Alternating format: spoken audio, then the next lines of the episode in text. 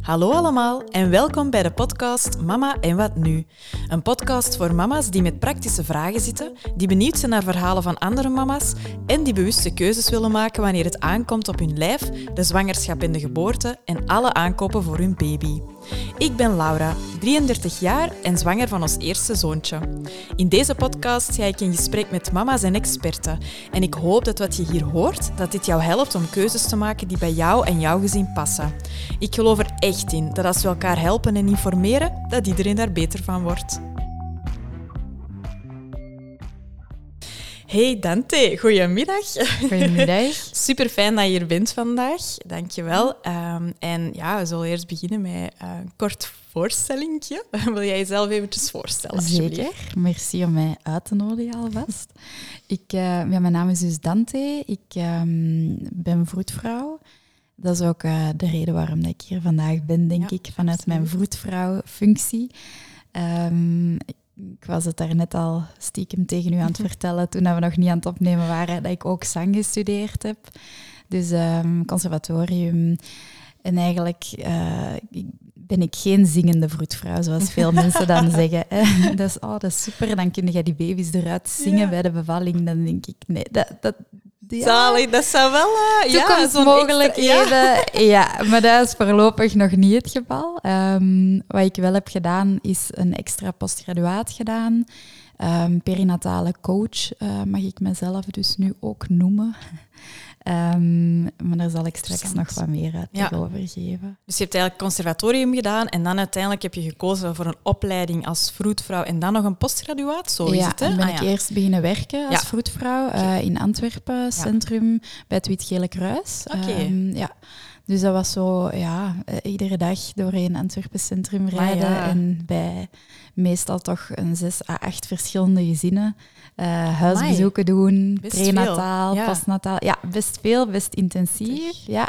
Maar ook wel leuk, omdat als vroedvrouw, um, vanuit de opleiding ook, heb je weinig kennis en, en achtergrond meegekregen over die thuiszorg. Ah, ja. En op die manier heb ik dat wel echt heel intensief uh, kunnen leren. Ja, ja, ja, okay. dat is fijn. Ja, super. Oké, en uh, want nu ben jij zelfstandige vroedvrouw. Yes. Uh, je bij je eigen vroedvrouwpraktijk, zal ik ja. zeggen. Vroed, ja. heet het. Um, waarom heb je dan uiteindelijk die stap genomen? Ja.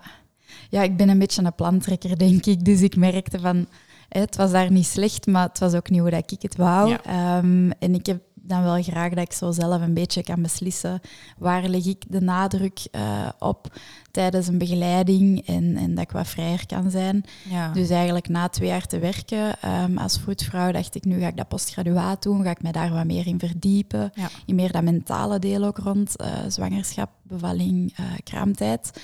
En um, ja, vroed, de naam zegt het zelf. Heel hè. mooi ook, ja. Leuk, Een mooie naam, ja, ja, absoluut. Ja, ik ben er echt super blij mee. Ja, dat is echt mijn babytje. Hè.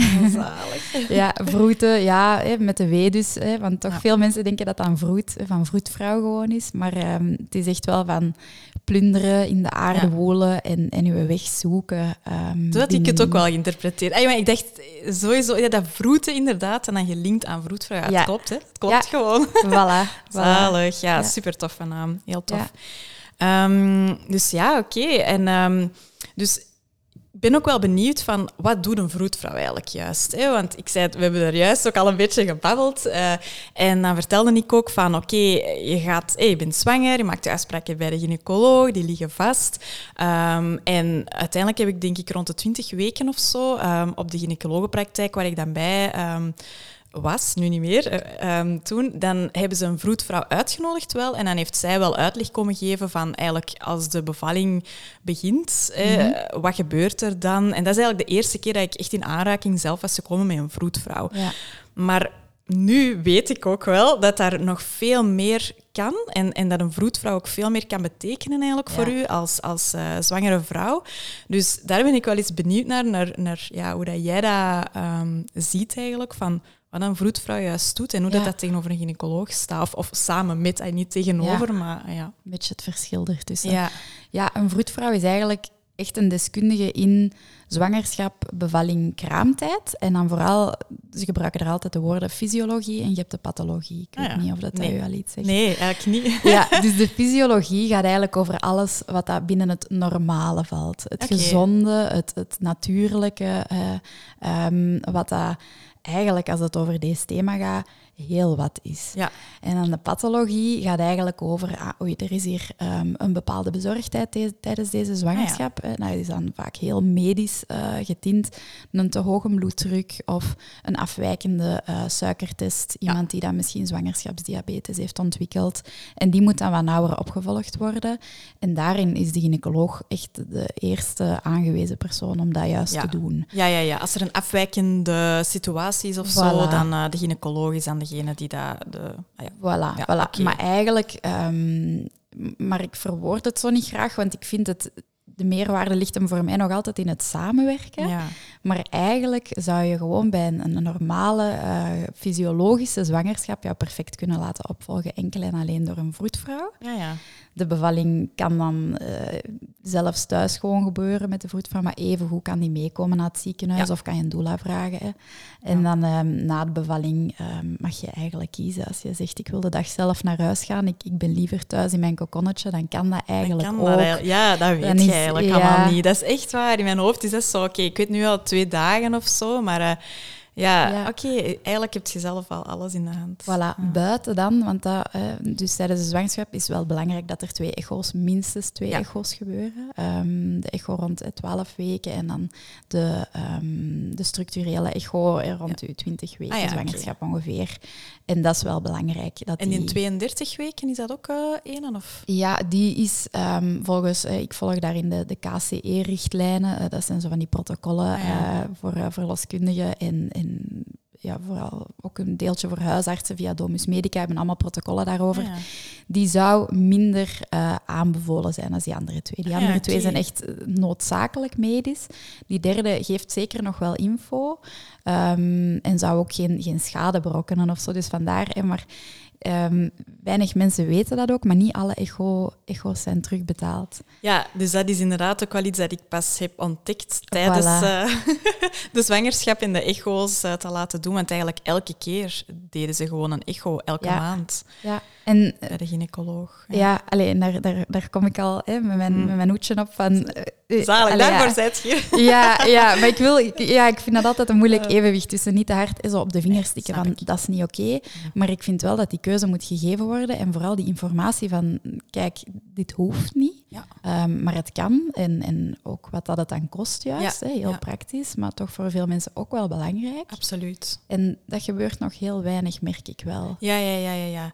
Ja, wel, ik heb nu dus... eh, ik ga even gewoon kort ook vertellen hè, Mhm. hoe dat ik nu zelf eh, daarin zit. Ehm, we zijn nu bijna 29 weken en... ehm, ik, dus ja, bij de zwangerschap, oké, positieve zwangerschapstest, je gaat naar de gynaecoloog en die afspraken die liggen meteen vast. Hè. Elke maand één afspraak, eh, waarbij dat er dan ook telkens een echo wordt genomen. En dan eh, de laatste mm, anderhalve maand of zo is dat om de twee weken, zoiets, Allee, de, denk ik.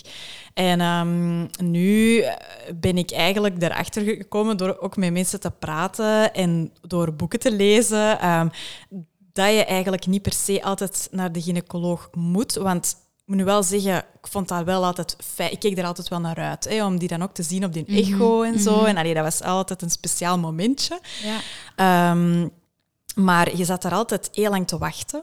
Ja. En dat is zeker niks naar gynaecologen toe. Nee. Dat is gewoon zo. Hè. Die hebben het heel druk. En je zit daar dan um, tien minuutjes binnen. Ja. Ehm, en ja, ik voelde me altijd heel ja, zo wat opgejaagd. Ik was dan wel blij dat ik hem had gezien. Maar ah, je hebt er dan anderhalf uur bijna gezeten. Hè, Ja. Voor zo even tien minuten. Eh je vragen heb je wel kunnen stellen. Maar achteraf eh, komt er dan nog van alles in je op. ehm, dat je dat niet hebt gesteld en zo. Dus Ja. ik ben er nu achter dat je dus effectief ja, enkel op die bepaalde Mhm. Momenten echt moet gaan naar de gynaecoloog, maar dat je dat dus perfect kan aanvullen met consultaties bij de vroedvrouw. Ja. Ehm, dus ik heb nu intussen al mijn afspraken afgezegd bij de gynaecoloog en ik ga naar de vroedvrouwpraktijk hier achter de hoek bij, bij Hikketijn. Ja. Ehm, Eén, ze nemen daar veel meer tijd voor u. Ja. Uh, dat is echt wel op een heel ander... Ik heb er een heel andere ervaring mee. Dus allee, alleen maar positief eigenlijk. Um, maar ja, dan, dan, ik vraag me dan wel af van... Ja, enerzijds inderdaad dat financiële plaatje. Hoe ziet dat dan? Want wordt dat dan wel allemaal terugbetaald? Mm -hmm. Aangezien dat je geen echo's laat nemen, hoe is dat? Ja. En ten tweede vraag ik mij ook af van... Allee, ik weet het nu al wel een beetje, maar ik stel de vraag toch heel graag van... Hoe um, volgen zij dat medisch eigenlijk allemaal op? Ja. Van hoe weet je dan of dat je baby goed groeit? En, en krijg je ja. eigenlijk wel al die, die, uh, ja, die bevestiging mee van oké, okay, ja. alles loopt goed. Ja, Zo, uh, ja oké. Okay. Ja, voor het medische uh, luikje hangt er een beetje vanaf of dat jouw vroedvrouw geconventioneerd is of niet. Ah ja. dus dat is dan ja, dat is zoiets dat je zo'n beetje kent van, van je huisarts of je tandarts of zo. Die Staat er ook meestal op, wel eens op de site of ja, zo? dat moet normaal zeker vermeld zijn, anders kan je dat zeker naar vragen. Um, en een geconventioneerde vroedvrouw die volgt eigenlijk de terugbetalingsmogelijkheden via de mutualiteit. Als je dan een mutualiteit hebt. Ja. Dus dat is dan wel de bedoeling. Ja. En um, gelukkig, in België is dat allemaal zo mooi geregeld dat je eigenlijk ik mag, ik mag ook als hulpverlener niet zeggen, ik werk gratis. Ja. Hè, maar een vroedvrouw die geconventioneerd is, daarbij krijg je de hoogst mogelijke terugbetaling. Dus dat is eigenlijk um, zo goed als... Ah, ja, Het is niet gratis. Want ik vind nee, altijd, ja, als je zegt, zorg is gratis, dan, dan worden mensen heel rare wezentjes. En dan Ja, zeggen ja, van, ja, ja, kom dan maar en doe dat maar dit en doe dat maar dat. Het wordt vergoed. Um, dus dus dat je is wel betaalt heel het fijn. eerst eigenlijk en dan achteraf brengt je iets binnen bij de, bij de mutualiteit. En dan Dat kan op die manier of dat kan met de derde betalersregeling. Ah, dat is eh, gelijk nu tegenwoordig bij de huisarts. Je betaalt enkel het remgeld en dan is dat bij een geconventioneerde vroedvrouw is dat vaak geen remgeld. Ah, dus dat is dan wel heel makkelijk. Ah, Eh. Echt vanuit het idee, elke vrouw verdient een vroedvrouw of kan dat eh, gebruiken. Ehm, En dat, heeft niet, dat is niet gelinkt aan je hospitalisatieverzekering. Ah, wel, dus voor de vrouwen die ehm, bij een vroedvrouw zouden gaan die niet geconventioneerd is, vaak eh, boezemt dat dan al heel veel angst in van oh, nu gaat het eh, betalen worden. Ja. Maar ehm, gelukkig werken die praktijken of die vroedvrouwen dan ehm, nou samen met de hospitalisatieverzekering en dan gaat het eigenlijk op die manier alsnog vergoed krijgen. Vaak een heel groot deel. Ehm, als het is al, al is het niet alles. Dus Ja. dat is iets belangrijk om ook wel over te informeren, denk Ja, ik. ja. Ja, inderdaad. Oké, interessant. Ja, oké. En uw tweede vraag. Ja? Ik heb nu precies zelf een beetje zwangerschapsdementie, Nee, nee. wat dat niet zou kunnen. Maar eh, die ben ik nu een beetje kwijt. Geen probleem. Ehm, ja, mijn vraagstelling was nogal lang. Ja, Nee, nee, nee dus eh, ik vroeg mij af van oké, als je er dan voor kiest voor naar een vroedvrouw te gaan, omdat je daar bijvoorbeeld ook beter bij voelt of zo. Voor mij, ik ging ook Ah, ja. maandelijks Ja. naar de gynaecoloog om echt zo die bevestiging te hebben op medisch vlak. Ja. Van hij groeit goed, hij is gezond. ehm, hij- alle vragen die dat je daar rond hebt. Hoe is hij bij een vroedvrouw? ja. ja, voor mij begint het daar ook wel een beetje mee dat het is eigenlijk een heel medische benadering dat je al gewoon bent. Ja. En er wordt veel uit de handen genomen, zal ik niet zeggen. Maar ja, een, een echografisch beeld, dat kunnen niet nabootsen als vroedvrouw aan huis. Nee. En uiteindelijk geeft dat uiteraard de meeste zekerheid. Je ziet eh, alles dat je wilt zien op zo'n beeld. En aan huis ja, is dat een beetje, is dat, ja, een beetje zoeken en is dat helemaal anders. Ja. En als je het ene gewoon bent, is het vaak heel moeilijk om daar van terug te komen. Hè? Omdat je zo uitkijkt naar die echo. Wat zijn uw wil- verwachtingen daar ook? Hè? Ja, Voilà. Dus ik denk dat ook heel hard... allee, de- je komt al in zo'n medisch pad terecht, dat het soms moeilijk is om dan... Hè, Ja, dat uw is vraag waar. ook van, ja, hoe kan ik dat dan thuis? Hè, toch met diezelfde eh, geruststelling.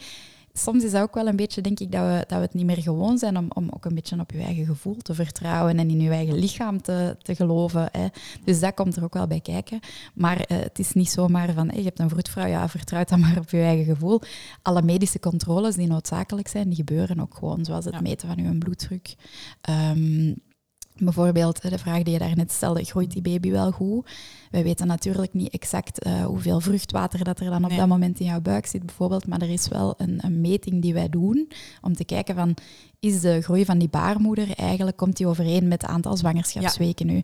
En als die dan afwijkt, ja, dan sturen wij ook gewoon door naar de gynaecoloog, zodat die dan echt de specifieke controles kan doen. Ja, dus ja, ja. eigenlijk Echt een nauwe samenwerking, wel dat Ja. blijft gewoon zo. Ja, ja Eigenlijk kan, kan alles gewoon ook gebeuren aan huis. Moest het dan zijn dat je echt een pathologische zwangerschap hebt, dus dat je bijvoorbeeld zwangerschapsdiabetes hebt, dan Ja. nog is de vroedvrouw ook wel ehm, een persoon die jou daarin kan begeleiden. En ook de medische controles wat regelmatiger uitvoert. Hè, want om dan speciaal naar de gynaecoloog te gaan om, eh, ehm, laat ons zeggen, nog eens uw, uw, eh, suikerwaardes Ja. of zo te bespreken, dat hoeft dan ook niet altijd Nee. meteen. Dus Ah, dat is wel uh, ja, Een, echt een aan... Allee, ze vullen elkaar echt aan. Ja, ja, ja. Dus het is eigenlijk ook een beetje waar je jezelf het beste bij voelt en, en hoe dat je zelf je zwangerschap wilt beleven eigenlijk. Absoluut. Ja, ja, Maar in België gebeurt het nog niet zoveel dat, dat vrouwen zich echt volledig door de voetvrouw laten opvolgen. Dat is, uh, dat is het is een automatisme. Hè? Je gaat echt een, het is een automatisme om de gynaecoloog te bellen als je zwanger bent. En dan ja. gaat het daar gewoon niet mee. Voilà. Um, het is ook ja, een feit dat vroedvrouwen niet, als je wilt laten opvolgen tijdens de bevalling bijvoorbeeld, ze kunnen niet over naar elk ziekenhuis meegaan. Dus dat is toch ook al wel. Uh, ja. ja, en ik heb onlangs nog een overleg gehad met de ziekenhuizen. Die zeiden van ja, één op twee um, vrouwen gaat eigenlijk naar huis zonder voetvrouw. Wat dat prima is. Hè? Allee, we zijn, we zijn niet verplicht. Als dat een keuze is, is dat, is dat helemaal oké. Maar ik vraag me dan soms af van, ja, is het een keuze of is het, is het niet geweten? Is het... En bedoel je dan na de bevalling? Na de, bevalling, ja, ja, Echt de postnatale, ja. ja. En ja. dan houdt natuurlijk ook rekening met eerste kindje, tweede. Allee, daar zit ook nog een verschil dan vaak wel op. Maar ja, het is toch ja, het is een beetje jammer, vind ik dan. Ja, zo van... dat is, het gaat vaak, denk ik, over het niet weten, hoor. Ja. Ik denk dat echt... Ik denk het ook, um, maar... Allee, ja. Ja, wel. niet van moeilijk ja. voor mij om te zeggen, hè. Maar ja, uh, ik kan het aanraden. Uh, en daarom niet per se mezelf, maar gewoon het hebben van iemand die u daar als, als eerste persoon uh, bij kan ondersteunen. Dat is, ja, ja, ja, al is het maar om te weten dat je, dat je ze hebt. Absoluut. Ja, ja, ja. Als het niet nodig is, dan is het ene keer of twee keer, hup, klaar. Hè. En dan zeg je van, ja, ik, ik hoef eigenlijk ik hoef geen postnataal uh, opvolging meer te hebben. Uh, maar dan, dan weet je wel wie dat je moet bellen op het moment dat het wel zo is. Klopt, dus, ja, ja, ja. ja, met mij was het ook wel echt een ding van... Uh, uiteindelijk heb ik beseft dat ik zo lang mogelijk thuis wil blijven. Ik, wil wel, ik ga wel bevallen in het ziekenhuis, maar ik wil mhm. zo lang mogelijk thuis blijven. Van, hoe ga ik dat dan doen? Wil ik daar dan graag iemand bij dat mij wel kan geruststellen en mij kan helpen. Als het dan even toch wat moeilijker gaat of zo. Gewoon, je weet niet wat je gaat overkomen. Hè? Alleen bij je eerste kindje. Ehm, en ik denk dat je partner dan misschien ook wel heel graag heeft. Ja, dat er ja, iemand bij is. Ja, ja, dat, absoluut. Want in het begin was hij zo van, oh ja, en dan nog een vroedvrouw, we gaan toch aan de gynaecoloog en wat is dan de meerwaarde? En, uh, Maar nu, zeker nadat we dan eens op consultatie zijn geweest en heel de uitleg hebben gehad en hoe dat het dan kan verlopen en zo, hij is helemaal mee. Hij zou het zelfs niet anders willen. Dus ja, ja, ja, dus uh, op dat vlak. Um, ja, denk Voelt hij zich ook meer betrokken nu? Sorry, nu ben ik de vragen al aan het stellen. dat is goed. Nee, nee. Um, hij voelt zich. Um, mm, hij is er nog niet echt zo mee bezig, denk ik. Zo echt met het moment van de bevalling dan. Ja, hè? Maar hij wil ook altijd, bijvoorbeeld bij alle consultaties komt hij wel mee, omdat hij zowel dat, dat is voor hem ook, ja, voor de man of voor de partner, ja, dat is het enige moment. Ja, Allee, je voelt natuurlijk wel eens mee aan de buik en zo, maar dat is toch wel helemaal anders. Dat is voor hem echt zo het moment om ook die vesting weer te krijgen, om zo eens te, ja, gewoon van die vroedvrouw ook te horen hoe dat alles zit en zo. Dus voor hem is dat ook altijd wel een belangrijk moment. Um, maar ja, betrokken, ja. Ja, maar mhm. ik, ik, ben nog wel benieuwd hoe dat gaat zijn bij de bevalling op zich. verder ja, ja, ja, ja, inderdaad. Ja. we hebben nog tijd. Ja, eh, spannend. ja, ja, heel spannend. Ehm, nee, dus um, oké, wel... Nu ben ik er inderdaad ook al wat over bezig, over het feit dat we bij de vroedvrouw gaan. Um, wij hebben onszelf daar bijvoorbeeld ook ingeschreven voor een aantal infosessies. Ja ik heb gezien, hey, jij biedt dat ook aan hè, op je website. Ja. Um, kan je daar eens wat info over geven van... Ook, want zowel voor uw partner, hè, dat zijn ook mhm. momenten dat, dat hij of zij of hè, de, de, de partner erbij is en, en dat mee zo waar naartoe kan leven. Ja. Um, ja, waar zie jij daar de meerwaarde in van die, van die infosessies? Want er zijn natuurlijk verschillende. Hè? Dus Absoluut. de ene zal wel ja. meer dan de andere. Maar... Ja, um, ja ik, ik heb daar lang over zitten nadenken, niet zo. Hè, maar wat voor trajecten dat ik dan juist wil aanbieden. Is het puur het medische? Is het het informatieve? En dan met dat postgraduaat erbij ook van, ja, wil ik ook wel eigenlijk rond dat mentale er zijn en meer de, de gesprekken hebben en minder echt die focus op de zwangerschap en het medische. Dus ik, ik laat de mensen zo wat de keuze van, heb de, heb de zin in, in info? Dan kan het. En dan heb ik uh, zelf een een soort van ja, ideaal traject voorgesteld, wat dat volgens mij het ideale lijkt. Of, hè, zo, ja, dat heb ik gezien, die flow echt zo hè, ja, op je website. Ja, ja voilà. Ja. Um, en dat zijn dan tijdens de zwangerschap um, een drietal infosessies, de typische um, arbeid en bevalling, borstvoeding slash flesvoeding en uh, dan de kraamtijd, die eerste weken uit bevalling. Dus dat zijn zo wat de basis-infosessies, waarvan ik ook altijd echt wel benadruk dat ik het fijn vind als de partner erbij is. Dus dat is niet gewoon van, ah ja, borstvoeding, dat is dan iets voor de vrouw kom ja, maar. Exact. Ja. mijn vriend had dat ook echt zo van, ja, borstvoeding, ik ga toch geen borstvoeding geven? Maar ja. vroedvrouw zei, ja, nee, toch, je gaat daar toch veel uithalen. Al is het om je zeker te voelen samen en dat je ook weet hoe dat je elkaar moet ondersteunen. Hè. Exact, exact. Ja. Ik geef ook altijd heel, heel praktische tips. Dan zo. Ja, zalig. Uh, ja, uw vrouw gaat gekluisterd zitten in de zetel hè, met die baby daar zo in een begin nog zo'n zoekende positie. Uh, een flesje water hè, af en toe eens komen brengen. Dat is altijd handig. Zo die heel praktische uh, meer die zorgende functie. Ja, ja want het, het blijft een, een, een vrouwending. Ja, mannen kunnen geen borstvoeding geven of, of de meemoeders ja, zitten daar ook soms wat verloren in. Hè. Um, dus dan is het wel leuk om die toch te betrekken bij de infosessies. Ja. Um, en waarom ja, vind ik dat nu zo nodig? Um, iedereen moet natuurlijk vooral voor zichzelf voelen wat, wat, wat wilt ja, wat wilt je juist? Waar zijn je nou op zoek? Um, maar ik heb het gevoel dat er zo een tendens is dat mensen zeggen, maar ja, ik zie wel. Hè.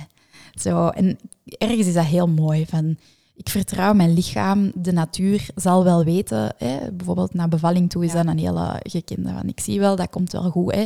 Alle vrouwen bevallen toch. Um, of naar borstvoeding toe ook. Hè. Van, dat, dat gebeurt al eeuwen. Ja, we zullen wel zien. Um, en dat, dat klopt inderdaad. En dat is, dat is ergens een mooie insteek. Maar ik, ik vind dat daar toch altijd een beetje een gevaar achter de hoek schuilt. Uh, in de zin van, bijvoorbeeld naar borstvoeding toe. Vroeger zagen wij effectief van elkaar hoe dat we borstvoeding uh, aan het geven waren. Dus je zag, dat is heel regelmatig. Amai, dat kindje is er aan het huilen weer. Ah ja, oké, okay, die pikt daarop in, die ziet dat signaal. Ah ja, dat, ah, zo ziet een baby eruit die honger heeft, bijvoorbeeld. Hè? Omdat je, ja, dan heb ik het al wel over vroeger, vroeger. En nu zitten we allemaal in ons eigen huizenke met z'n tweeën vaak. Hè. Wie dat er echt nog met zijn tante en oma en ik weet niet wat allemaal in een nee. kangeroewoning woont of niet, in een studio ook allemaal samen. Dat is zeker binnen onze cultuur echt niet de gewoonte. Dus dan is, we zien wel, ja, dan vraag ik me af, op basis van, van wat dan? Of zo, hè? zo waar heb je dan wel al wat die kennis nog uh, vergaard? Ja, en, ja, Hoe gaat u zeker ook in uw vel, allee, of in uw lichaam voelen? Of, of uh, ja, voilà. de zekerheid, dat vertrouwen. Dat ja, wel ja, en dat is mooi dat je dat, dat, je dat dan heel hard um, wilt loslaten. Maar ik merk dan precies toch ook vanuit de praktijk dat dan als het moment zover is, dat dat toch niet zo evident is. En, en zeker naar bijvoorbeeld die kraamtijd toe, van ja, ik zie wel wat voor een baby dat ik heb en, en hoe dat ik ga zijn. En, en ja. Oké, super. Maar vaak zijn er toch al wel verwachtingen. Um, ja, ja, ja. Onbewust Vooral van... het gemakkelijk gaat gaan, denk ik. Voilà, ja. Of, of sommigen ook, hè, doemscenario's. maar die gaan dan meestal heel veel info opzoeken. En maar ja, je, je hebt een beetje een beeld van hoe dat je kind toch gaat zijn. En dat is heel gek, maar dat, dat is wel zo. Ook al denkt je, ja, we zien wel. Maar dat is al niet, we zien wel. Dat is al ja, ik denk eigenlijk, oh, dat gaat gezellig zijn, zo samen in de zetel zitten. En oh ja, het is dan zomer als ik ga bevallen ja, en ik, ik ga dan op mijn terrasje zitten. Hè, ja. Zonneke, alleen zo, hè, zo half in het zonnetje. Ja, ja, maar ja, voilà. ik heb exact ook wel dat beeld. Zo, Ja, en dat is mooi, ik wil dat zeker niet doorprikken. Maar als je dat aanvult met hier en daar wat informatie, zodat je wel weet van, ah, dat is het normale of het te verwachten, dan helpt dat vaak wel. Ja, ja, ja. Ja, ja. ja voilà. ik zie daar ook zeker de meerwaarde wel van in. Ik heb ze nu nog niet gehad, de infosessies, maar um, ik ga het dan volgen bij Hiktijn, waar ik dan zelf nu uh, ook, uh, ja, ziet dat, klant ben of zo. Um, patiënt. Patiënt. Parturiënt voilà. eigenlijk. het heeft nog een specifieke. Omdat, parturiënt. Parturiënt, ja. Omdat je eigenlijk, je, je bent niet ziek, hè. Als nee, zwangere nee, nee, vrouw. Ja. Ja, ja, ja. En, ja, voilà. Dus dat mag een apart, ah, een apart Parturiënt. Ja. Oké, okay, ik ga proberen met onthouden. Ja, dat gaat niet lukken, denk ik. Maar um, nee, ja, ik kijk daar wel heel veel naar uit. Enerzijds ook wel een beetje om mij voor te, bereiden, voor te in welke mate dat dat al kan. Uh, maar om toch een bepaalde uh, basisinfo um, mee te krijgen, maar ook wel echt om dat met mijn partner te doen. Ja. Ik, ik, kijk daar echt naar uit om dat zo met twee te doen. Omdat, voor mij is dat weer zo'n stap dichter bij dat babytje dat er effectief gaat zijn. Ja, ja je wordt dus, ouder op het moment dat je denkt aan kinderen hebben, dus zelfs nog voordat je zwanger bent vaak. En al die uh, tussenstapjes, ja, die, die transformeren nu meer en meer samen er naartoe. Dus die zijn wel echt heel nuttig. Vaak niet per se om de theoretische inhoud, maar om gewoon een moment te hebben dat je er samen nog eens bij stilstaat. Absoluut, ja. Nee, dat, dat, volg ik helemaal. Mm. Ehm, nee, dus ja, een van de infosessies die jij aanbiedt is arbeid in bevalling. Yes. Ehm, en heb je zo'n tip die kan helpen om u voor te bereiden op eh, de arbeid in de bevalling? Ja, ja. De gouden tip. De gouden tip. Ehm, ja, nee, die, die um, zeg ik wel ook tijdens al mijn infosessies, spreek ik altijd van het kokonnetje.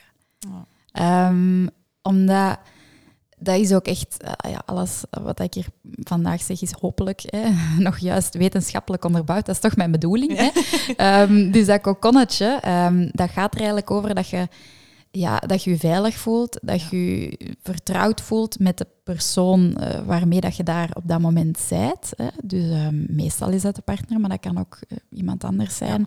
Of een doula die erbij is, of een voetvrouw. Um, voilà. Ja. voilà. -hmm. En, en de personen waar dat je bij bent in het ziekenhuis. En dat je eigenlijk voor jezelf, want dat is wel het ding dat ik probeer mee te geven, je moet je kokonnetje zelf creëren. Ja, ja.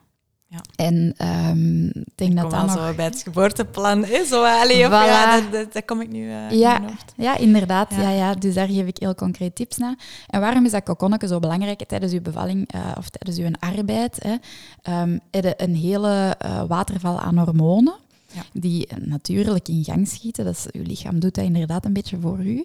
Maar um, vanaf dat je heel angstig zou worden, en dan heb je het uh, de adrenaline eigenlijk. Hè, en dat gaat eigenlijk alles van dat mooi uh, cascadeke tegenwerken. Ah, ja. ja. En vandaar om uit die uh, adrenaline-sfeer te blijven, heb ik voor mij dat, dat kokonnetje als, als woordje. Omdat daar in die kokon is, is geen adrenaline aanwezig. Ja, ja, ja, Dat is echt gewoon puur, oké, vertrouwen, rust bij elkaar. Um, heel veel oxytocine, dat is dan zo'n liefdeshormoon. Hè. Knuffelen, elkaar vastpakken, liefde. Um, ja. Okay. En echt samen een beetje ook door die pijn geraken. Want ja, weet je, het doet gewoon pijn. Allee, Als je het hebt over een natuurlijke bevalling. Want ja, als je dan bijvoorbeeld uh, pijnstilling zou pakken of zo, is het misschien ook wel anders dan gaan die hormonen er ook minder zijn of zo. Of, dan is nog is ook dat, heel wetenschappelijk. Ja, ja. ja, zelfs bij een inleiding of bij, bij een geplande keizersnede is ook veel meer zo die gentle uh, sectio, gentle keizersnede. Dat, dat is eigenlijk ook dat kokonnetje. Hè? Gewoon, en ik heb het nu ook vooral al de hele tijd over, over jullie gehad dan eigenlijk, maar voor die baby is dat net zo belangrijk eigenlijk om in die, ja, een beetje in die rust ter wereld te komen. Ja, absoluut. Um, ja. ja. die komt eruit een mega rustige om, omgeving. Ja, helemaal, lekker warm, lekker geborgen. Hè? Dus, um, dus eigenlijk voor, voor jullie hetzelfde, die warmte, die geborgenheid. Um, en ik ga naar Linees verder gaan op dat geboorteplan. Ja, hè? super. Ja. ja, idealiter noemt je het een geboorte wens, de geboortewens. Want een plan is al heel actief. Hè? Dus uh, um, daar kun je dan in je verwoording al een beetje. En dan zijn ook vaak uh, de, de hulpverleners aan wie dat je toont ook al zo, ah ja, oké, het is een wens. Ja, ja, ja, dus uh, dat, dat doet toch veel. Ja, ja, ja dat, dat bekt wel. Allee, het komt anders over. Ja, ja, ja, inderdaad. Geboortewens. ja, voilà. En ik zeg altijd, het is iets om vast te houden, maar om vooral ook gewoon los te laten. Dus het is echt een hele dubbele. Want je kunt natuurlijk niet plannen hoe dat loopt. Ja. Um, maar voor mij is dat iets um, dat ik altijd ook bespreek tijdens de infosessies. Ik stel dat niet samen op, maar ik, ik geef wat ideetjes daarover. En eerder als iets van, denk jullie daar een keer samen over na en, en bedenk een keer wat, wat zouden jullie belangrijk vinden. Ja. En dan heel praktisch um, heb ik het bijvoorbeeld tijdens die arbeid over licht. Hè, dus uw ruimte waarin dat je zijt. Um, ja, gedempt. Voilà, gedempt licht. Um, voor mij zijn de partners uh, lichtmeesters op het moment van arbeid en bevalling. Dus ik geef altijd als tip, vanaf dat er iemand is binnengekomen, die doen het licht aan. Ja. Die gaan naar buiten. jij doet het terug uit. Hè? Zo, ja, Oei, ja. super Ja, en simpel, ook een hè? taak eigenlijk. Hè, Voilà. voor, de- ja, ja, voor de partners. Ja, ik denk dat dat dat is wel aangenaam kan zijn. Onbewust, ja, voilà, die taak. Hè, zo ook een beetje het gevoel, ik kan hiermee iets doen, want je kunt, ja, je kunt veel doen, maar ook niet veel hè, op dat moment als partner. Ehm, dus licht, ehm, geluid, ja, wilde, wilde muziek, wilde geen muziek. eh, ja, ga jij naar je eigen Ja. podcast luisteren misschien Wie tijdens je arbeid. Hè? ja, gewoon wat dat u, hè? Wat, wat dat je fijn vindt. Ehm, ja, en zo heel veel verschillende eh, thema's bespreek ik dan. Gaande van uw arbeid tot eigenlijk ook nog een deeltje die eerste uren na uw bevalling. Ja. Ehm, omdat ik dat toch ook wel echt vaak heb gemerkt van partners en dan bijvoorbeeld al sms'en aan het sturen naar het thuisfront. Ja, En- nog even in het kokonnetje weer blijven. Voilà, Ja, ja, ja. voilà want dat haalt, dat haalt dan de vrouw die bevallen is er misschien heel hard uit. Oh, maar dan is die eerste borstvoeding misschien, of dat eerste aanlegmoment of eh, flesvoeding. Maar ja, en dan, oké, maar dan zijn we met iets anders bezig en dan komt die stress wat. Dus om echt heel dat, Ja. ja. dat proces een beetje door te spreken samen. Ja. Heel concreet, wat zien we zitten, wat zien we niet zitten. Ehm, bijvoorbeeld ook houdingen tijdens uw arbeid. Hè.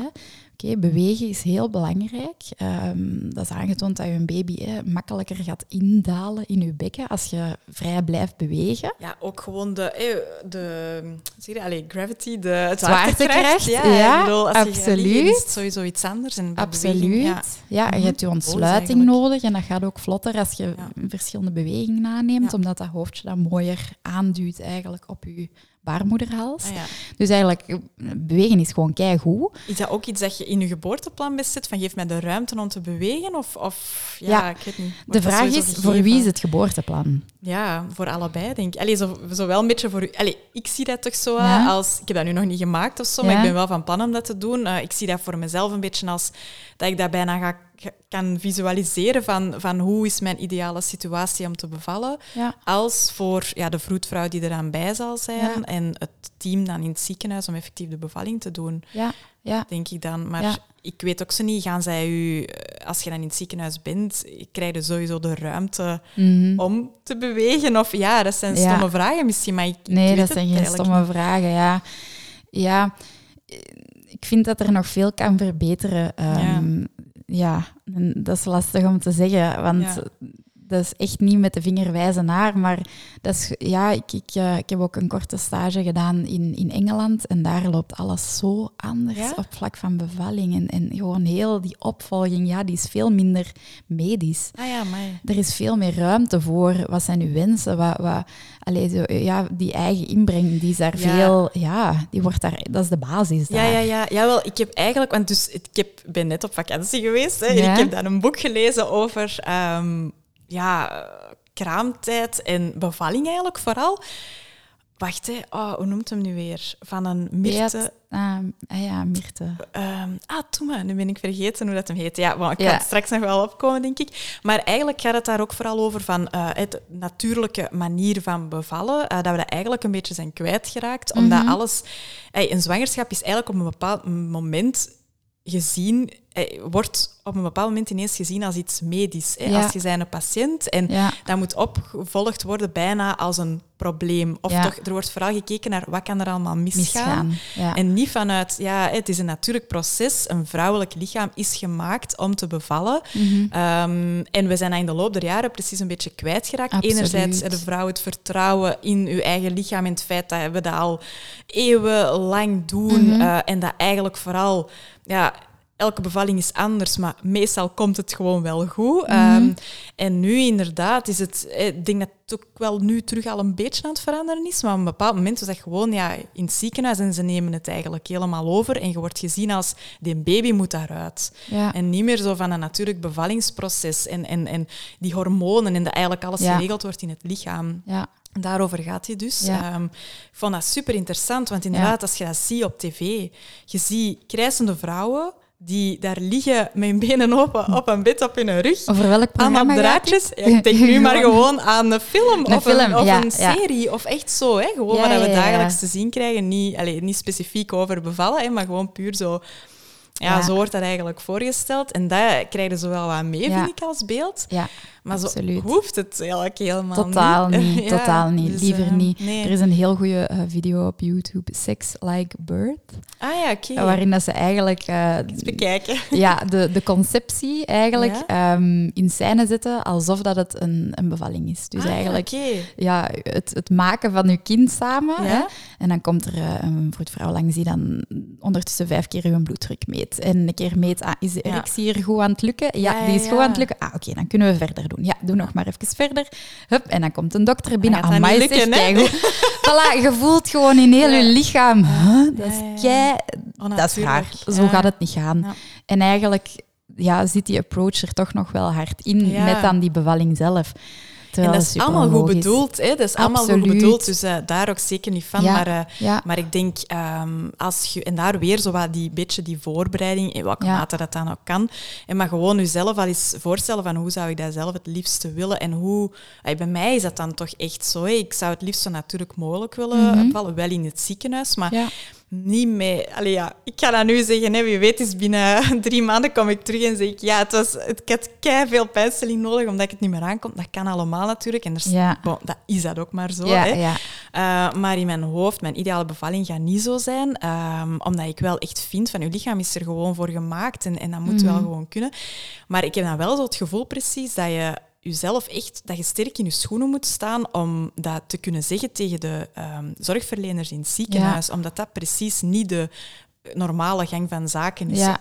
En ja, dat is het jammer. Het wordt een beetje een wij tegen zij. En Ja. dat helpt, dat helpt voor niemand. Nee, voilà. Ja. Want dan, om in, dan in dat kokonnetje te blijven en heel het gevoel Voilà. te hebben dat je moet opletten, want ze gaan hier iets doen waar ik misschien achteraf, waar ik eigenlijk niet graag wil, Ja. dat heb ik wel zo'n klein Ja. beetje. Ook al heb ik 100% vertrouwen in, in die teams daar, hè. dus echt wel.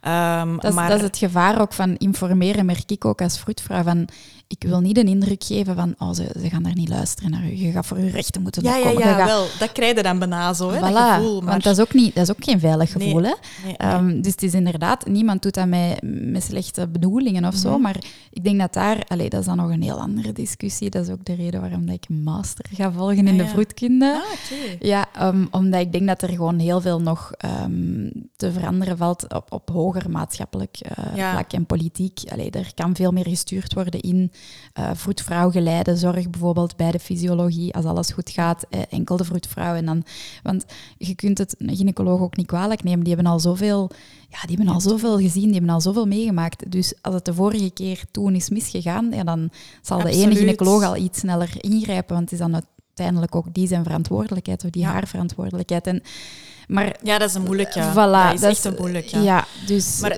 eigenlijk als zwangere vrouw, wat doe je dan best? Wel proberen om zoveel mogelijk dat kokonnetje te creëren Ja. door bijvoorbeeld wel je geboorteplan zo op te stellen van bijvoorbeeld dat licht dat je zei, of Ja. de muziek en de personen die dat je erbij hebt en zo. En je toch een beetje in te lezen misschien wat dat er allemaal Voilà. allee, kan al is het voor eh, jezelf, hè, je geboorteplan. want ik heb ook wel patiënten die zeggen, ja, ik, ik, ik ga dat niet delen Nee. met het ziekenhuis. Ah ja, ah, ja ook prima, kan ook. Dat je zegt, ah, ik weet voor mezelf, maar als ik Ja. dat ga doen, dan heb ik schrik dat ze...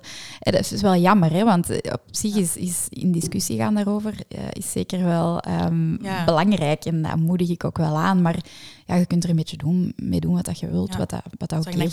je maar voelt. Voilà. Maar het is jammer, denk ik, dat zwangere vrouwen daarin zo moeten gaan nadenken van oh, hoe pak ik dat nu het beste aan? Ja. Eigenlijk moet het, het, het zorglandschap gewoon zo georganiseerd En worden. dat dat, volgen, hè, op uw ritme. voilà, Ja, dat, is, eh, exact. dat is een moeilijke. Ja. ideale wereld. Ideale wereld, ja. Nee, nee, oké. Nee, geboorteplan, wat was de geboortewens? Ah. ja, ja, ja. Eh, ehm, ja, eh, begeleid jij als vroedvrouw eigenlijk ook vrouwen tijdens de bevalling? Als, is dat, ga jij ook mee bijvoorbeeld naar het ziekenhuis of, of begeleid, eh, begeleid je thuisbevallingen? Ja, Ehm, dat doe ik niet. Ehm, ik vind dat ook wel jammer, maar dat is, ja, dat is heel moeilijk combineerbaar met Ja, ja. eh, een sociaal leven. Maar ook, ik ben nu zelfstandige vroedvrouw in bijberoep. Ja. Eh, dus dan hoort er ook een hoofdberoep bij. Dus ik, ik geef les op deze moment ehm, aan mensen die in de kinderopvang willen gaan werken. Echt zo de praktijkvakken, verzorging, eh, Ah. EHBO, levensreddend handelen. Heel fijn. Maar ja, ik kan dat niet zeggen van tijdens een les. Ah, ik Nee. word hier opgebeld, ik ben weg. Je moet veel op wacht staan. Voilà, hè. Ja, ja, dus dat is, een- dat is een moeilijke combinatie, vind ik. Ehm, dus dat is de reden dat ik dat nog niet doe. Ja. Ik zeg ook nog niet, wie weet, hè, merk ik ooit van... Ja, ik vind het toch heel last, allee, lastig. Ik vind het soms heel moeilijk om ehm, patiënten die heel de zwangerschap hebt opgevolgd. En dan, ja, voilà. En nu... ja, ja, ja. Hè, s- sprong in het diepe. Soms ja, merk ik dat ook wel als hulpverlener van, dat ik zo het gevoel heb van, ah, ik zou daar ook graag nog wel Ja. ehm, die ondersteuning in willen bieden, maar doe ik dus nu niet. Nee, nee, dus nee. enkel de zwangerschapsopvolging en het postnataal. Ja, oké. Nee, oké. Mm. Ehm, jij zit ook sterk in op mentale gezondheid. Ja. Eh, waarom is het zo belangrijk?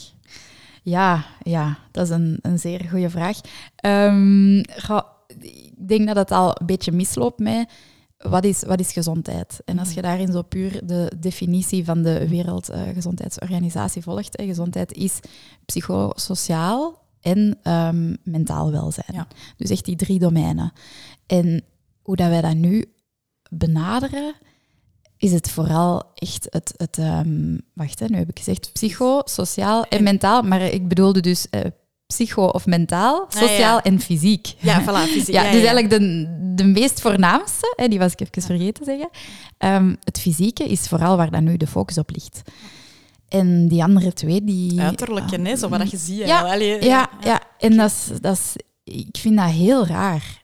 Voor mij, dat, ja, ik voel zo echt zo, daar, daar, ligt het, daar ligt het, zo de passie voor mij. Of zo ligt daarin van, hoe kan dat nu, dat wij dat, dat, wij dat oké vinden om, ehm, om een voorbeeld te geven.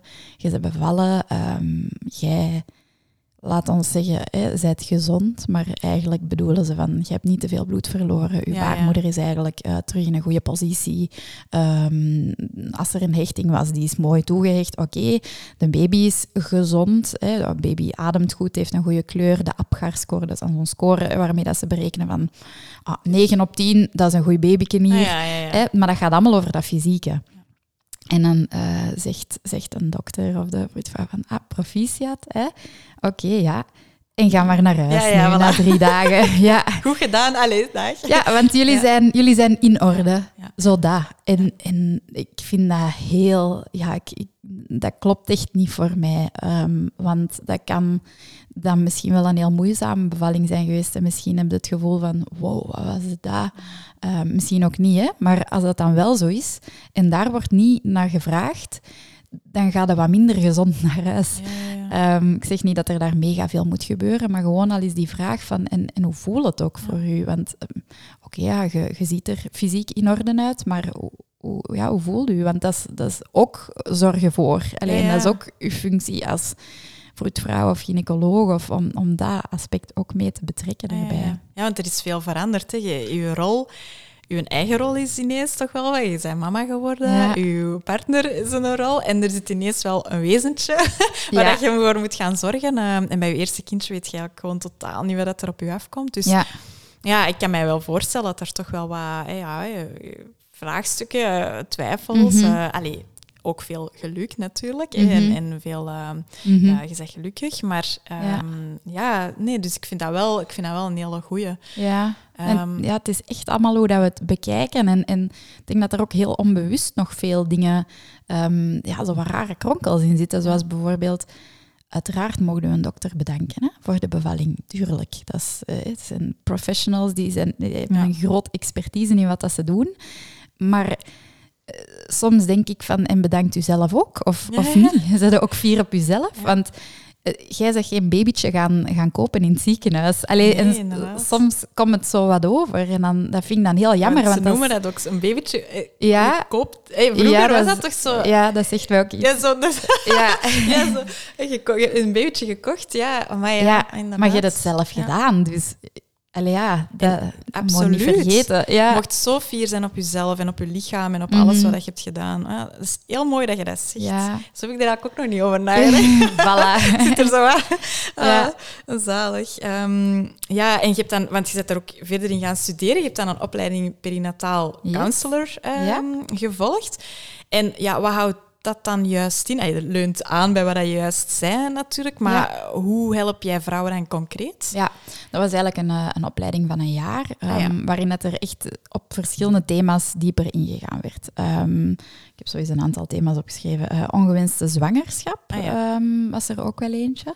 Verlies tijdens de zwangerschap hechting, um, psychische stoornissen, dus echt ook um, vrouwen met um, postnatale depressie, maar ook persoonlijkheidsstoornissen, borderline, ja, bipolaire stoornis, die komen bevallen om daar ook weer wat meer over te weten.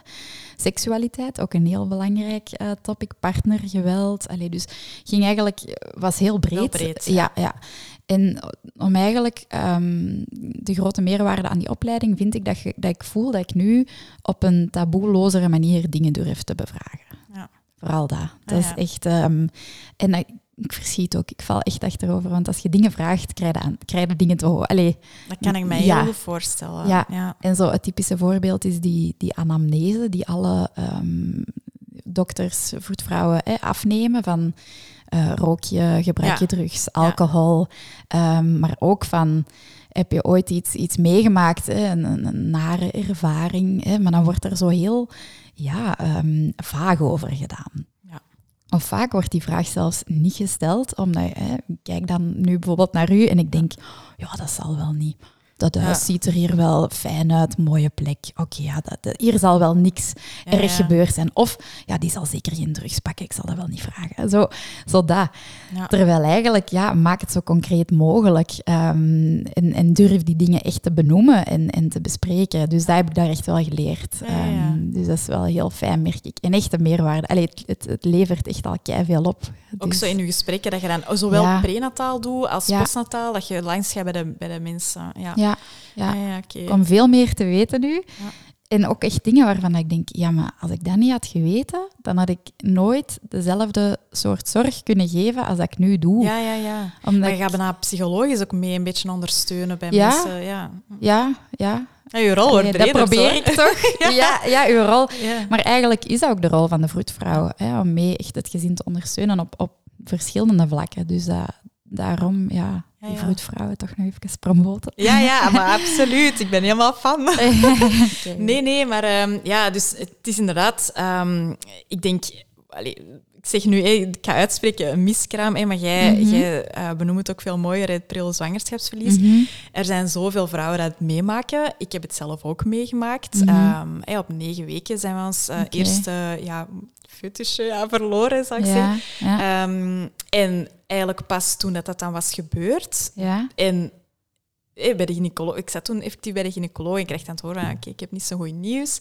Uh, mm. Uw wereld stort even in op dat moment. Mm. Um, maar zij gaf mij ook wel gewoon direct mee van, ja, Laura, dat gebeurt letterlijk bij één op de vijf zwangerschappen. Ja. En oké, okay, dat was even heel droog, mm -hmm. maar dat heeft mij wel geholpen Okay. Langs de andere kant, om dat wel te relativeren en zoiets van, oké, okay, dat is moeder natuur, dat is een gang gaan, je hebt dat nooit ja. onder controle. Maar het is ook pas nadien dat ik ben, dat ik dat, ik praat daar dan ook wel over, ben iemand, ja. ik ga dat niet opkroppen, dat moet ja. daar dan ook uit. Ik heb er met heel veel mensen over gepraat okay. en hoeveel dat dat dan naar boven komt van ik heb dat ook meegemaakt. Ja. En ik heb er eigenlijk nog altijd een beetje een trauma van. En dat is dan soms ja. jaren geleden. Ja. En ik denk van mensen babbelen daar eigenlijk niet over. En nu onlangs mm. is dat ook wel zo heel hard in de media gekomen met Julie van den Steen of zo dat het dan ook had gezegd. En ik dacht, ja, echt waar. Dat is geen taboe. Nee. Dat is niet iets om om je voor mm. te schamen of, of voor... Nee, je voelt je je, je, je, maakt echt een periode van rouw mee en mm -hmm. je mhm. verliest even helemaal het vertrouwen in je, in je lichaam. En ja. dat is gewoon zo en dat is ook helemaal oké. Okay. Ja. Um, maar ik kan mij voorstellen, want nu, het is dan, ja, ik benoem dit dan als mijn tweede zwangerschap. We zijn nu wel veel verder uh, in het proces, dus ik, voel mij nu ook terug wel zelfzekerder. Ja. Maar ik heb echt wel moeite gehad met zo dat vertrouwen in het proces. Mm -hmm. Je pakt dat wel mee, die ervaring. Ja, absoluut. Mm -hmm. En is dat ook iets waar je vrouwen bij ondersteunt? Ja, ja. ja zeker. Ja. Um, ja, hoe dat je daar dan best mee omgaat, hè, met iemand die dan een miskraam heeft gehad of een pril zwangerschapsverlies, um, ja, dat, dat is ook zeer wisselend. Hè. Dus ja. eigenlijk um, probeer ik daarin vooral heel veel vragen te stellen, denk ja. ik. Van, oké, okay, wat je hebt deze nu meegemaakt, wat, wat heb jij nodig? Um, ja. Of hoe voelt dat voor u? Want mensen praten heel snel over verdriet in Mhm. kader van een verlieservaring. Maar vaak is er ook wel kwaadheid of, of teleurstelling in je eigen lichaam. Of, of ja, er kan van alles zijn. En, en het gevaar schuilt hem erin dat we denken van, ah, die zal zich wel zo voelen of die zal wel Ja, dit of dat. Dus ik probeer daar heel hard, eh, ja, ik, ik, ik heb... eh, ik, Daarvoor open. En ja, Voilà. open gesprekshouding, denk Ja. ik dat dan wel heel fijn kan Ja, zijn. van hoe, hoe kan ik jullie helpen? Mhm. En ehm, jij zei nu het woord foetus bijvoorbeeld. Hè? Dat, dat is zoiets stom, maar dan, oké, dan schrijf ik dat ook op in mijn dossier. Voor u was dat een foetus. Als iemand anders dat een kind noemt, ehm, misschien heb je dat ook al wel een kind genoemd. Hè? En is dat nu was dat even zo zoeken naar, Ja, naar een... ja, dus ik vind het altijd heel moeilijk van hoe beschrijf ik dat dan? Voilà, maar ook dat. Oké, Mhm. dan, dan vraag ik dat ook van... Ja. Hadden jullie al een naam? Wilt, wil, wilt je daar toch nog een naam voor geven of, Ja. of niet? Of, of, maar heel erg op maat van de persoon die voor mij zit. Ja, ja, ja. Ehm, want voor sommige mensen ehm, voelt dat aan als een, een zwangerschapsverlies. Absoluut, ja. Voor de meesten denk ik eigenlijk Ah, wel. zeker. En die term miskraam, die moeten we echt Ja. gewoon buiten gooien. Want je hebt niks misgedaan. Je hebt, al ja, en dat is een hele verwijtende term. Dat is een hele de zwangere verwijtend. vrouw. Ja, hè. ja, ja, inderdaad. Ja, ik probeer het zo'n beetje te zien als oké, er is iets misgegaan in het proces van de natuur. Echt zo. Mhm. En dat is dan dat misgaan. Ik bedoel dat zelfs niet zo negatief als in Ja, ja, het was gewoon niet, niet goed Ja, of zo. Hè? Dus ik kan dat zo wel heel goed bekijken. Nu, hè. Allee, ik zeg het. Hè. Ik heb daar ook een proces voor meegemaakt. Hè. Maar, maar het feit van, ja, je moet dan... Hè, want bij ons was het, allee, het was al iets meer dan negen weken, dus ik ben uiteindelijk ook eh, in het ziekenhuis uh, met een curettage moeten gaan laten doen. En dat vond ik, dat was zo super medisch en je ligt daar en zo. En, en dan komen ze daarna wel zeggen van, oké, alles is goed gegaan. En dan zo precies zo van, en ga nu maar naar huis en ga morgen maar werken en rond het af. En het ding is ook, ja, op, op negen of tien weken je dat misschien ook nog niet tegen keiveel mensen Dus Nee. heel veel mensen in de omgeving weten dat eigenlijk ook Ja. niet. Dus dat was voor mij ook wel zo van, ja, je gaat ook niet zomaar tegen Jan en alle man daarover babbelen. Ook al voelde je wel gewoon alsof Ja. dat je, ja, wat zeiden verloren. Alles en allee, er, er is zoveel ineens. Ehm, en dat vond ik ook gewoon wel heel moeilijk. Zo van, ja, oké, zoveel vrouwen maken dat mee, dus je komt zo precies zo in de, een zee van... van het is ook Mm. zo het normale... Ja, dat wordt bijna als normaal bestempeld, Ja, maar toch Dat is rust er een taboe. Ah Ja, ja, ik vond dat echt mega... Ja, Ja. En dat, om, om aan te vullen, eh, voor dat postgraduaat eh, merkte ik dat ik heel snel ging normaliseren. Hè, wat dat de gynaecoloog nu ook bij jou had gedaan. Van, ja, maar één op vijf. Hè, zo even de cijfers erbij. Ehm, en dat helpt voor een deel, maar dat, dat stopt ook het gesprek vaak. Ja, dus absoluut. voilà, je Ja, ja, één ja. op vijf. Dus geen zorgen, ga maar naar Volgende huis. keer beter. Volgende keer beter. ja. En dan krijg je de... eh, ik heb op mijn, eh, mijn vroet Instagram-account de kut quotes. Hè. Ah ja. Zalig. dan komt er komt een familielid tegen en die zegt dan van... Oh, maar dat is toch goed, je weet dat je zwanger kunt worden. Ja, exact. Voilà. Exact. Ja, dat heb ik zoveel gehoord. Maar je kunt zwanger worden, er is niks mis met u, hè? Ja. Oh, dat, is, ja, Ja, dat lijkt mij heel pijnlijk. Ja. Ehm, Ja, zo van, ja, goed waarom- bedoeld ook. Ja, ja, inderdaad. Ja, dat is echt... Hoe goed bedoeld ook, want inderdaad...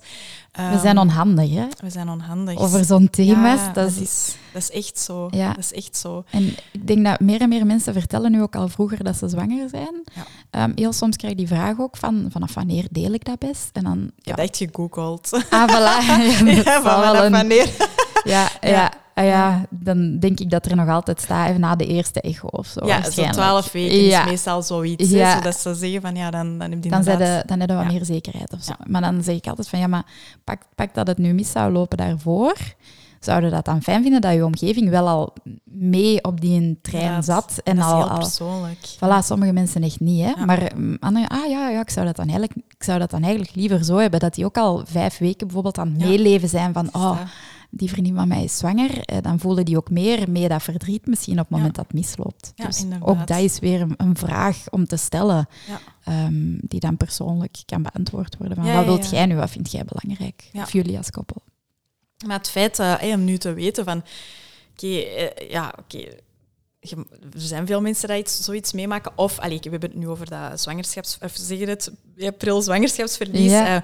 Eh, je hebt ook je opleiding gevolgd. Je hebt nog, allee, je hebt nog vele andere situaties benoemd. hè, bijvoorbeeld Mhm. de niet zo roze wolk of de Mhm. postnatale depressie. Of, eh, Ja. eh, het feit om te weten dat je daarvoor ook gewoon bij ehm, een vroedvrouw die echt in de materie zit, die zich daarvoor heeft bijgeschoold, dat je daar bij zo'n persoon ook terecht kunt, vind ik zelf wel een hele goede om te weten. Want je zou dan denken, ja, ik moet naar een psycholoog, maar voor, ja, voor wat dan? Of welk type psycholoog of, of, psychiater? Of, allee, ik ben helemaal niet thuis in zo de, de termen daar, maar is een beetje laagdrempeliger. Hè? Ja, Allee, dat, dat, hoop ik ook wel, dat het toegankelijk is. Want ik zeg dat ook, ik ben geen psycholoog. Ja. Dat is ook uh, niet zo. Die zijn heel, heel nodig, psychologen, maar ook niet altijd. En, um, en, soms heb je ook niet nodig van, en nu ga ik in een therapie stappen van maanden. Nee, soms wil je gewoon eens een goed gesprek of zo. Voilà, iemand die luistert eigenlijk. Die luistert, ja, ja. Um, maar ja, ik, in het begin dacht ik, ik ga enkel de gesprekken aanbieden. Ik ga me echt focussen op die counseling of die coaching, hoe dat je het dan wilt noemen. want eigenlijk officieel zijn wij dan perinatale coaches. Coach, ja. of counselor, ja. zo moet het ook noemen. Um, maar ja, een coach dat heeft heel veel negatieve bijklanken. Vaak um, van, hebben die wel een degelijke scholing? Of, dus, Je hebt heel veel coaches nu. Hè? Voilà, iedereen kan zijn eigen een coach noemen, dus dat is een beetje het gevaar. Maar het is inderdaad, het is wel echt onderbouwd. Het is verder bouwende op dat vroedvrouw zijn. Um, maar ik merkte dan door enkel en alleen, de, dus op mijn website zie je ook zo wat thema's uh, dat je voor in gesprek kunt komen. Ja. Um, ja, ik heb die thema's ook maar benoemd omdat ik dacht, het is misschien herkenbaar dan. Ja, ja, Dat is misschien goed dat je denkt van, ah, wel. niet van kom maar babbelen als je iets voelt. Dat is heel vrij. Allee, dan, weet je ook niet van, ja, valt mijn situatie daar dan onder of zo. Allee, voilà, voilà. Dus zelfs um, een beetje een onpopulairder thema, zoals gender disappointment, hè, teleurgesteld zijn met geslacht van uw baby, dat heb ik er dan ook specifiek op gezet. Ik dacht, ah, dat is goed, dan weten mensen dat ze... Hè, want zelfs hulpverleners zijn daar soms heel kritisch naar. We hebben zoiets van, ja, maar dat daar ga ik niet mee. Daar, dat daar moet je niet voor in gesprek komen bij mij, bijvoorbeeld. Ja, hè. Um, maar dan merkte ik van, ik heb het gevoel dat België er nog niet klaar voor is. dat klinkt nu zo wat dramatisch. België loopt altijd wat achterop. Zo. Ja, ja. nee, dat dit zou gewoon zo. Ik denk ja. altijd zo Nederland, zo de, of die Scandinavische landen. Ja, of zo, maar, ja, ja, ja, inderdaad. Mhm. En Um, dat heeft tijd nodig, dus dat is, dat is, goed dat dat al wel wat bestaat. Maar zolang dat heel het, het, het, om de omkadering niet mee is, dat er bijvoorbeeld geen terugbetaling voor bestaat of zo, ja, en dan gaat dat gewoon nog niet zo populair zijn. Dus ik probeerde dan, doordat ik dan toch ook um, echt een medische opvolging terug ben beginnen doen, um, die twee wat meer terug aan elkaar te kunnen koppelen en vooral heel preventief aan de slag te kunnen gaan. Want uh, het is, er is vaak niet zoveel nodig. Het moment dat je bijvoorbeeld, uh, je bent zwanger, je hebt weken, maanden, jaren moeten proberen, hè, of uh, geprobeerd om zwanger te worden. En je hebt je eerste zwangerschapstest, je gaat naar de gynaecoloog, proficiat. Oké, heeft er iemand gevraagd en hoe voelde je? Ja, ja, ja. Zijde blij? Is het gewenst? Hè? Meer en meer wordt die vraag ook wel gesteld, maar en, en daarom, je hebt op dat moment geen psycholoog nodig die per se uren met u gaat, zitten putten in uw verleden. En, en hoe, eigenlijk gewoon iemand die de vraag op dat moment stelt van... En hoe voelde u er eerder bij? Want je hebt misschien al maanden uh, teleurstelling achter de rug. Ja, ja, ja. Uh, bijvoorbeeld. Hè? Dus uh, ja, zo om heel preventief zo op bepaalde momenten tijdens uw zwangerschap specifieke vragen te stellen. Dat is eigenlijk zo nu een beetje mijn... Ja, dat lijkt me een hele goeie. Ja. ja. En dat je gewoon ook iemand hebt tijdens de zwangerschap van, ja, waar je daar ook eens aan kwijt kunt. Ja. Want het is ook niet altijd dat je je supergoed voelt of altijd super slecht. Ja. als ik naar mezelf kijk, ik heb gewoon ook wel momenten dat je soms eens even je verhaal moet doen. Ja. Want ik voel me even niet zo goed. En morgen kan dat misschien gewoon uit mijn systeem... Allee, ik spreek nu echt voor mezelf. Hè. Maar dan is dat fijn dat ik... Uh, bijvoorbeeld volgende week, vrijdag, gaan we terug langs de vroedvrouw. En ik kijk daar echt naar uit. Dat gaat zo mijn momentje zo was zijn. Ja, ja, ja, ja en, uh, Ja, want zij vragen dat ook echt wel. Zo van, hoe voelt u en zo. En, allee, en dan, er is ook ruimte voor. En dan kan ik dat op dat moment dat zo'n beetje daar laten. Allee, zo, ja. Ehm, en de vraag, heb je nog vragen, wordt niet gesteld als je al aan de deur staat. Dat nee, is ook een inderdaad. Ja, inderdaad. dat er is echt ruimte en tijd voor. En, en misschien soms stel ik ook wel vragen dat mensen zo, ah oh ja, nee, nee, daar heb ik geen last van of zo. Maar dan denk ik, ja, dan is het een, een zaadje dat ik geplant heb. Dat is en waar. als je dan drie weken later plots denkt, oh, ik heb die gedachte gehad of zo ah ja, die vroedvrouw heeft dat eens gezegd. Ah, dat zal dan wel niet zo raar zijn. Voilà, of zo. Voilà. voilà, inderdaad. Ja, ik denk dat dat een hele goeie is. Dat dat heel veel mensen kan helpen. Ik hoop het. Ik hoop het echt. uh, um, ja, ik wou ook nog eens vragen van, oké, dus je biedt ook de postnatale opvolging aan. Wat houdt dat juist in? Ja, ja. Um, ja, dat is zeer medisch benaderd dan vaak. Hè. Um, dus ik kom dan aan huis um, de eerste vijf dagen na de bevalling. Dus ja, dat is ook zo die standaard, dat, dat heb je ook wel nodig, hè, als ja, je net bevallen bent. Ja. Dat wordt wel aangeraden, omdat er dan medisch gezien nog het, het meeste zou kunnen mislopen. Hè. Of, of dan heb ik het bijvoorbeeld over geelzucht bij babytjes, maar je bloedverlies ook, je baarmoeder die moet terug kleiner worden. Dat zijn zo heel specifiek medische zaken die zeker de eerste dagen best wel gecontroleerd worden. En dan nadien um, kan, er eigenlijk een vroedvrouw aan huis langskomen. Um, nog zes à negen keer totdat je eigenlijk um, dat je babytje een jaar oud is. Dus er is eigenlijk nog heel veel tijd en ruimte om ja, nog andere dingen dan puur die eerste medische noodzaak ook um, te gaan ah, bespreken. Ja, En dat is ook om te helpen bij de borstvoeding? Absoluut, ja, ja, borstvoedingsbegeleiding, maar ook flesvoeding loopt ook niet. En mensen denken altijd, oh, flesje, dat zal dan makkelijk zijn, maar ja, sommige kindjes ja, drinken dan niet genoeg. Of, of, hè. Um, dus dat ook. Um, dus eigenlijk alle controles bij de moeder en bij de baby. Ja.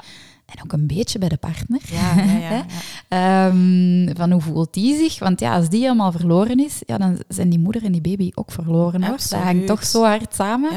Dus echt gewoon um, het medische luikje, zo heel prik en zo bijvoorbeeld, kan ook allemaal aan huis gebeuren. Um, ook wel fijn. Ja, het is echt altijd zo, dan moet je ervoor naar kind en gezin, of alleen naar buiten, of ah, alleen, ik weet niet. Ja, dus dat kan eigenlijk allemaal thuis. kan allemaal aan huis, kan ook nog in het ziekenhuis gebeuren. Alleen, maar dus zo de heel, het verwijderen van eventueel hechtingen aan keizersneden, voilà, heel dat pakketje. Maar ik leg dan ook wel een beetje de nadruk op, en hoe gaat het hier? En oké, je hebt dan de typische baby blues.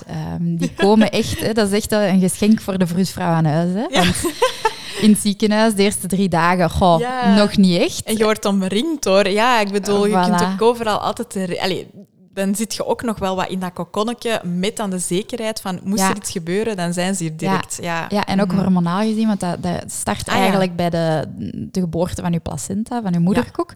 Um, dan treedt dat wat in gang. En dan eigenlijk drie dagen later, à vijf dagen zo, is een beetje de start van de babyblues meestal. Ah, ja. Um, ik vergelijk het altijd mee, je moet je voorstellen dat, dat al je hormonen op zolder zaten en ineens vallen die tot in de kelder. Oh. Ja, dus dat is even gewoon wow. Ja. ja, ja. En ja, dat is, dat is lastig als dat dan juist op het moment is dat je naar huis gaat. Want je hebt zoiets van, wat is deze? En zie, ik had dat nodig. Ik moet in het ziekenhuis blijven. Ik kan dat niet. Ja. Voilà, dus dan kom ik zeker ook langs om, om ook daar het wat over te hebben. En ja, ook een deel toch ook te normaliseren van, kijk, wat dat je nu voelt, dat kan ook wel een beetje medisch verklaard worden. Dat maakt het daarom niet, niet per se aangenamer, maar dat is wel fijn om te weten misschien. van, ah. Niemand praat daarover, hè. Sorry, hè, maar dat is ah, toch echt... Nee, echt niet. Ja. Of, ha, also, uw beste vriendinnen, daar babbel ik dan zo ook wel eens over, maar zo echt zo daarvan, die eerste week... Je wordt precies geacht van, oh, mijn baby en alles. Oké, dat zoeken, hè. Sowieso zoeken, maar zo niet van, ik voel mij ja, slecht. Ja, allee, ik, ik, ik heb het even moeilijk. Zo. Dat wordt, ik vind niet dat dat veel besproken wordt, of dat daar veel dingen over gezegd worden. Maar ik krijg wel heel vaak de vraag, denk je dat ik een postnatale depressie ah, ja, ja, ja, ja. Ah, ja. En, en ik voel ook dat die vraag met zoveel voorzichtigheid gesteld wordt. En dan denk ik, dat is een vraag waar dat die vrouw nu al echt weken mee in haar hoofd heeft zitten. En zelfs het, het stellen van die vraag is, is echt zo van...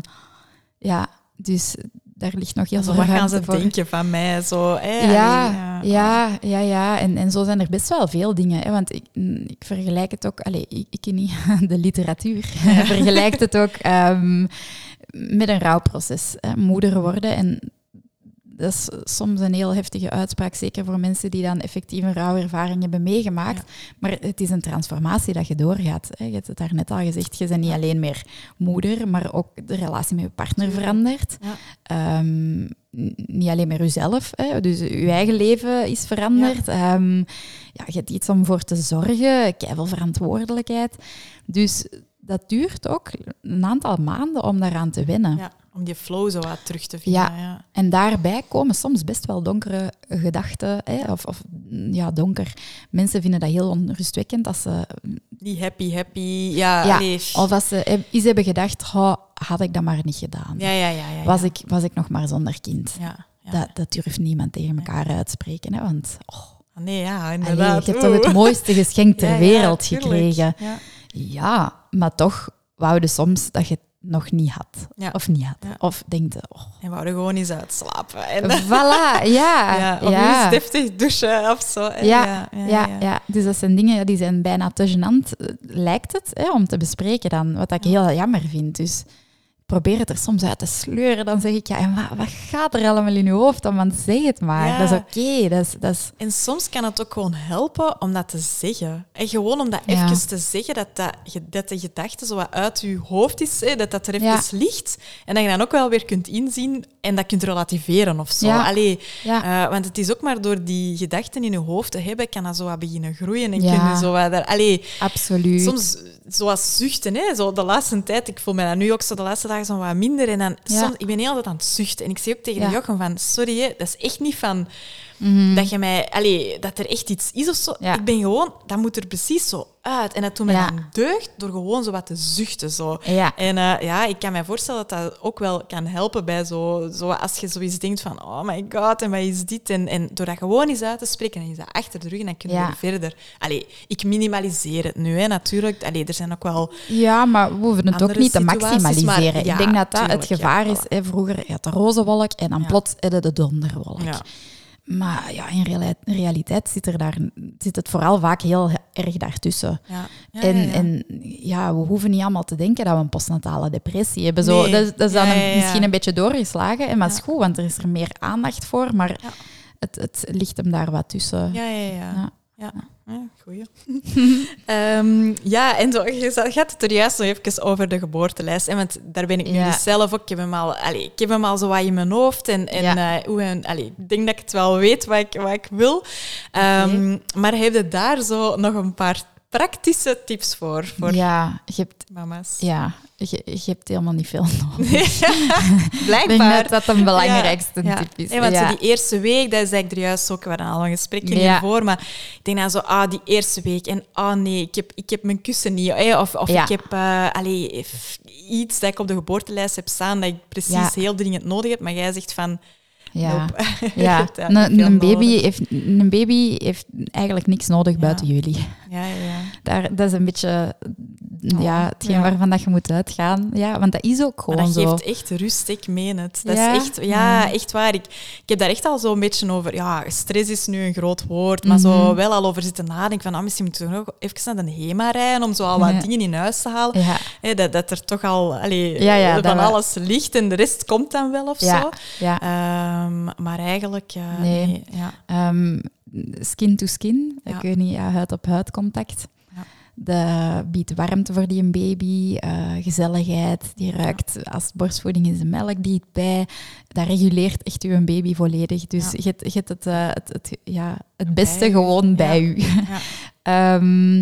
Als ik dan toch een hele praktische tip mag geven, dan zeg ik altijd van eh tetradoeken kun Ja. je nooit genoeg hebben. ja, dat heb ik ook al En koopt u niet de schoonste, allee, natuurlijk, je mocht er schoon ook, maar gewoon de goedkoopste van de, de, de zeeman of Ja. zo. Hè? Gewoon, eh, ja, want dat Ah, gaat je voor zalig. alles gebruiken. Dus zo, probeer daar wel, hè, ook in mijn eh, infosessie kraamtijd heb ik het daar ook over. Hè? Maar, maar dan check ik eigenlijk altijd met de mensen, oké, wat staat er nu al op jullie geboortelijst? Ja. Heb je daar vragen bij? En, en Ja. zijn er dingen dat je eventueel zou willen schrappen? Allee, dan kijk ik eens even mee van, goh, dat is misschien nog niet nodig. Ja. Gelijk bijvoorbeeld een kolf bij borstvoeding. Goh, je hoeft dat nog niet op je lijst te zetten. Nee, ja. Allee, dat is een beetje te Eerst zien van... wat. Ja, of Ja. een beetje de achtergrond ook mee. Is dat dan een tweede kindje? Heb je bij het eerste gekolf, vonden dat makkelijk? Ah ja, oké, dan voor het gemak heb je dat dan al. Maar je hebt eigenlijk heel weinig nodig. En de focus ligt heel hard daarop. Ehm, Ja, ja, ja. dat heeft ook wel een functie, denk ik. Onbewust is dat ook je klaarstomen voor dat kindje. Je ziet hier al zo hè, een, ehm, Ja, een stoeltje, een wiegje. Dus dat, dat helpt ook wel, hè, om dat mentale mee te krijgen van, ah, er gaat hier effectief, ik ga hier een kind ontvangen. Hè, dat, dat komt hier binnenkort mee aan tafel zitten. Absoluut. Ehm, dus daarvoor is dat niet slecht. Maar als het, als het stress geeft, dat is jammer. Ja, En- ja, ja. ja, en ja, soms is het gek hoe weinig dat mensen dan bijvoorbeeld weten van een bevalling of zo. Maar ze hebben wel alles in huis. Om dan, hè, dan denk ik soms van, ah, misschien moet u zelf eens wat informatie cadeau doen. Ja, hè, of zo wat, goeie. wat begeleiding cadeau doen. Ja, dat Ja. je daar wat... Hè, dus, Dat is een ehm, hele goeie. Ja. Maar die tetradoeken, dat is zalig. Iedereen. Tetradoeken. Ja, tetra-. Dus eh, ja, in alle formaten. Dat is echt keihandig. Ja. Check. Ja, Yes. top. Ehm, welke tips... Ik ben naar mijn laatste drie vragen trouwens. Yes. Eh, welke tips heb jij voor ehm ja, prille mama's om voor een baby te Mhm. zorgen na de bevalling? Ja, we hebben eigenlijk al ja, huid op huid. Ja, Ja. is eigenlijk gewoon, denk ik, het belangrijkste. En die, die gaat tot maanden na je bevalling door. Ja, Want die eerste dagen weten mensen dat vaak nog wel. Zo, ah ja, dan, mo- dan moest ik mijn kleren uitdoen en hup, lekker dicht bij mij uit op uitleggen. Maar dat blijft zo. Ja. Dat is echt niet alleen voor bepaalde hormonale eh, stimulaties. hè. Tijdens borstvoeding bijvoorbeeld is die huid op huid heel goed, maar ook hechting, Ja. geborgenheid, die regulatie van je kind. Maar dat is dan weer een heel ander gesprek waar dat we ook uren over zouden kunnen doorgaan. Ehm, en dat is dan een hele praktische tip of zo, maar ja, ik zou dan toch eerder terug naar de andere soorten tips gaan. Zo, wees mild voor jezelf en, en geef jezelf tijd om, om aan te passen. Ehm, ik denk dat dat echt het voornaamste is. Ook wel, hè, zo, it takes a village to raise a child. Ik durf het bijna niet meer zeggen, want die is al oud geworden, hè, die Ja, quote. klopt misschien gewoon. Ja. Ja, klopt echt eh, heel erg. En ik zie het echt bijna nergens. Ja. Ehm, niet zozeer dat die village niet aanwezig is, maar het niet durven toelaten Ah, ja. van hè, het ontvangen van de hulp. Ja, Ja. Hè, toelaten van, ah, ik, nee, Ja. ik ga dat hier alleen moeten kunnen. Ja, want iedereen doet dat alleen. Dus dat, dat hoort zo. Maar nee, totaal niet. Ehm, laat u maar ondersteunen. Ja, Ja, want dat is ook zo eentje waar ik dan zo al wel over nadenk van... ehm, ga, wie weet, hè, de, de, de oma en de opa, en, en die gaan hier direct allemaal willen komen kijken. Ja. Eh, ga ik dat wel willen? Moet ik dan niet zo wat meer eerst mijn kokonnetje bewaren? Ja, Hè? ja. Maar langs de andere kant is het misschien ook wel goed om in al... Allee, misschien niet de eerste dagen. Hè. Misschien Ja. moet je eerst wel even je flow afvinden, en ook met je partner, want dat is toch ook wel belangrijk, dat je elkaar daar ook echt wel ja. ehm, goed in, in vast hebt. Ja. Eh, maar dan kan ik mij misschien wel voorstellen van het moment dat zij dan op bezoek komen, Mhm. dat je dat met hen al wel zo wat kunt ja, opnemen van hoe kunnen jullie hier gaan helpen? Ja. Of eens eten mee? Of allee, zo dat. hè. Durf dat te vragen. Ja. Hè, als, als mensen langskomen, kan ik nog iets, kan ik nog iets doen? Kan ik nog iets meenemen? Meestal vragen ze het ook wel, hè? ja, maar ja, en ze, zeg dan gewoon, oh ja, een goede verse lasagne of zo. Dat zou me echt deugd doen. Ah ja, oké, Ja. Of ik heb hier nog een boodschappenlijst waar we echt niet toe geraken. Of zo van die dingen misschien. Hè? Daarvoor bestaat ook kraamhulp. Hè. Dus er, er bestaan ook wel heel wat professionals. Ik zeg altijd, kraamhulp is de, de niet vervelende schoonmoeder. Sorry voor alle schoonmoeders, want die zijn zo belangrijk Ja, ook. Hè, voor ja. En die- de village, de, het dorp rondom. Maar er bestaan ook andere mogelijkheden. Ja, Dus ook, ook die Ja. zoek daar eens wat naar. Maar het is eigenlijk wat dat jij nu zegt, staat er eens bij stil. Ja. Veel meer als deze is het ook. Allee, Nee, nee, inderdaad. Ja, het stelt allemaal niet zoveel, zoveel meer voor, maar gewoon eens even die een tijd nemen, gelijk dat je zegt van, ah, ik heb dan al nagedacht, misschien die eerste dagen toch even met z'n tweeën dat Ja. kokonnetje en dan, Ja. ah ja, super. Ja, Ja. kom maar af. Goed bezig. Ehm, Oké, goed. Eh, en heb je zo tips voor mama's om goed voor zichzelf te blijven zorgen? Want dat is toch ook wel zo eentje dat je soms hoort van... Ja, je staat volledig in teken van je babytje. Ja. De eerste ja, jaren eigenlijk gewoon. Absoluut. Ehm, hè, maar in het begin is dat toch wel een grote aanpassing. Ja. Ehm, heb je daar zo ja, voor? ja. Ehm, goh, ik denk dat meer de tip die ik vanuit mijn functie als voetvrouw zou geven, is van zoekt u, eh, laat u omringen door hulpverleners waar dat je je goed bij voelt. Ja. Ik denk Ja. dat dat heel concreet... ehm, Dat je ook wat dingen uit handen kunt geven? Is het zo ook wat dat? Of, dat je, of, Eh, of zelfs niet? Ja, dat je gewoon ervoor zorgt tijdens je zwangerschap dat je vertrouwen hebt in Ja. de mensen die dat er rondom je staan. En gelijk dat ik daarnet al zei, van, ook al denkt oh, ik heb dat niet nodig, een vroedvrouw, dat kan hè. Dat kan dat je, allee, dat je zoiets hebt van, pff, dat, dat lukt hier prima zonder. En ik ga af en toe eens op controle bij kind en gezin en dat is voor mij voldoende. Ja. Maar als je dan toch iemand al hebt waar dat je beroep op kunt doen als het minder gaat, dat geeft misschien ook wel wat rust. Dus zo, ja, en als je als je, je niet goed voelt bij iemand, hè, ehm, ja, jij, jij mocht beslissen. Ja, dan zoekt ja. u iemand anders. Ja, En dat is oké. Zo, hoe, hoe leuker, hoe veiliger dat je het rondom je wel kunt maken, Ja. hè, hoe, hoe beter voor jezelf, voor je partner, voor je, voor je babytje ook. Ja, ja, ja. Dus zo dat... ja, blijf echt op dat vlak ook gewoon echt dicht bij jezelf. Ja, Ja, dat kan ja. mooi. Ja. Ja, oké. Ehm, en ja, misschien nog één tip. Hè. Ja. Ehm, als je mama's die nog niet bevallen zouden bijvoorbeeld aan mij een tip zou mogen geven, wat zou die dan zijn? En dat mag ook echt eender wat zijn. Oh, dat vind ik moeilijk, ja, hè? moeilijk. Ja. Je hebt ook al wel heel veel gezegd. veel gezegd. Ja, je hebt al wel heel veel gezegd. ja, ja, Eigenlijk ja, pak ik al wel veel dingen mee. Zo. Ja. Dus eh, misschien is de vraag zelfs wel overbodig. Ja, nee, als ik, u, als ik u zo hoor, dan... Ja, dat, dat geeft mij een heel...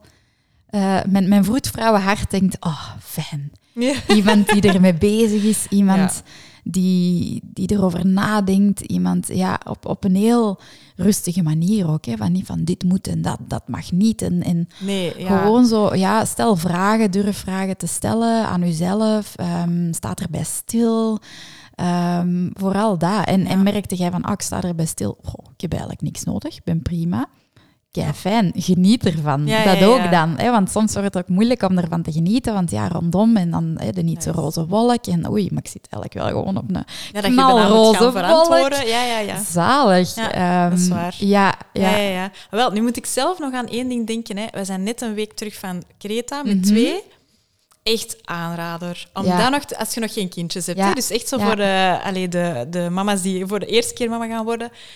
Pak nog even quality time. Met z'n een- tweeën. Ja, Ja. ga naar het zonnetje of wat dat je ook graag Ja. doet. Dat heeft ons zoveel deugd gedaan. Geloof ik. En het is nu spijtig, want ja, op dit moment is het hier slecht weer. Ja. nog in België. Hè, dus eh, je komt zo wel, eh, dat is echt zo wel een breuk van, allee, Ja. oké, van eh, echt in de zon naar, naar dit.